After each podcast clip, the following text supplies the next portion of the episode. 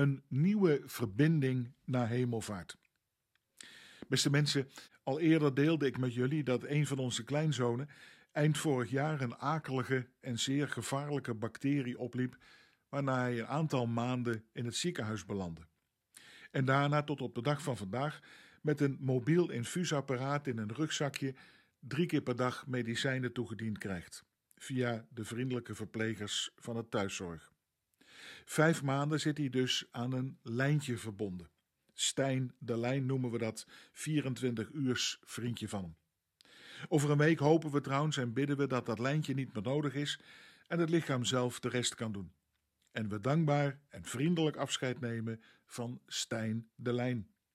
En hij ook weer gewoon met zijn vriendjes kan spelen in alle vrijheid. Hij zelf en wij allemaal zien natuurlijk uit naar dat moment, dat ook best wel weer spannend is, zonder nu die noodzakelijke medicijnlijn. Dat losmaken van zo'n medicijndraad heeft eigenlijk wel iets van het doorknippen van een soort tweede tijdelijke navelstreng, zou je kunnen zeggen.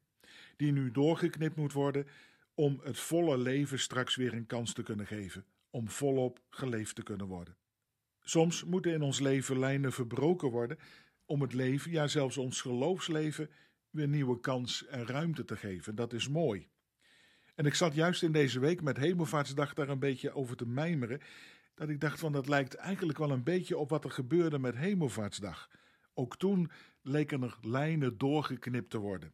We lezen in het Bijbelse verslag dat Jezus voor de ogen van zijn vrienden terugging naar de hemel en zijn vrienden hem sprakeloos nog lange tijd nastaarden, nu deze fysieke lijn, zou je kunnen zeggen, verbroken leek.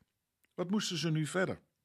Was de lijn, die verbinding met hun Heer, nu definitief verbroken, doorgesneden? Zoals sommige mensen dat ook in hun eigen leven kunnen ervaren, dat de geloofslijn eigenlijk niet zoveel meer betekent voor je. Een dag als Hemelvaartsdag boet ook telkens meer aan betekenis in, lijkt het. En de discipelen van Jezus die hadden zoveel mooie dingen met Jezus beleefd. Hij had wonderen gedaan, hij had hun met wijsheid geleerd hoe ze in deze wereld konden staan en leven, en hij had ze dagelijks gevoed met zakjes vol met geloof, hoop en liefde, om het zo maar te zeggen. Hoe moest dat nu verder?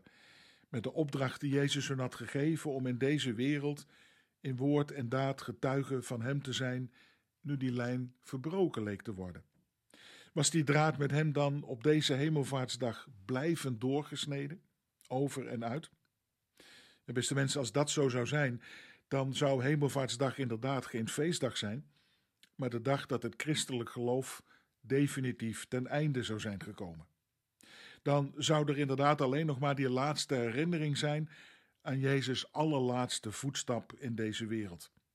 Zoals die trouwens getoond wordt in dat allerkleinste hemelvaartskapelletje op de Olijfberg. Die hemelvaartskapel waar je die vermeende voetstap voor een euro kunt gaan bekijken. Maar als dat het geheim van het christelijk geloof is, zou dat toch wel heel arm zijn. Want het tegenovergestelde is waar. Jezus sneed de band niet door, maar er zou een nieuwe verbinding komen met de hemel op Hemelvaartsdag. De Heilige Geest zou komen, die ons van binnenuit, vanuit ons hoofd en hart, weer op het spoor van God zou brengen en houden. Die geest die met Pinksteren gegeven zou worden, zou ons blijvend leren over wat vrede betekent, over liefde, vergeving, trouw, vreugde en zorgen voor de verbinding met de Heere God.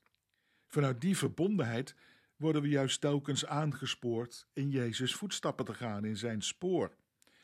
En in die zin is Hemelvaartsdag dus geen dag van afscheid van Jezus, niet de dag van het doorknippen van de geloofsdraad, zou je kunnen zeggen, maar juist een dag van en voor nieuwe verbinding. Maar vooral gaf hij op Hemelvaartsdag een opdracht mee, om vanuit die verbinding met hem tussen hemel en aarde te leven, ook elke dag hier met de beide benen op de grond. Om in de geest van Jezus te leven en te handelen, in geloof, hoop en liefde, op weg naar Gods toekomst waar we gelovig op vertrouwen mogen.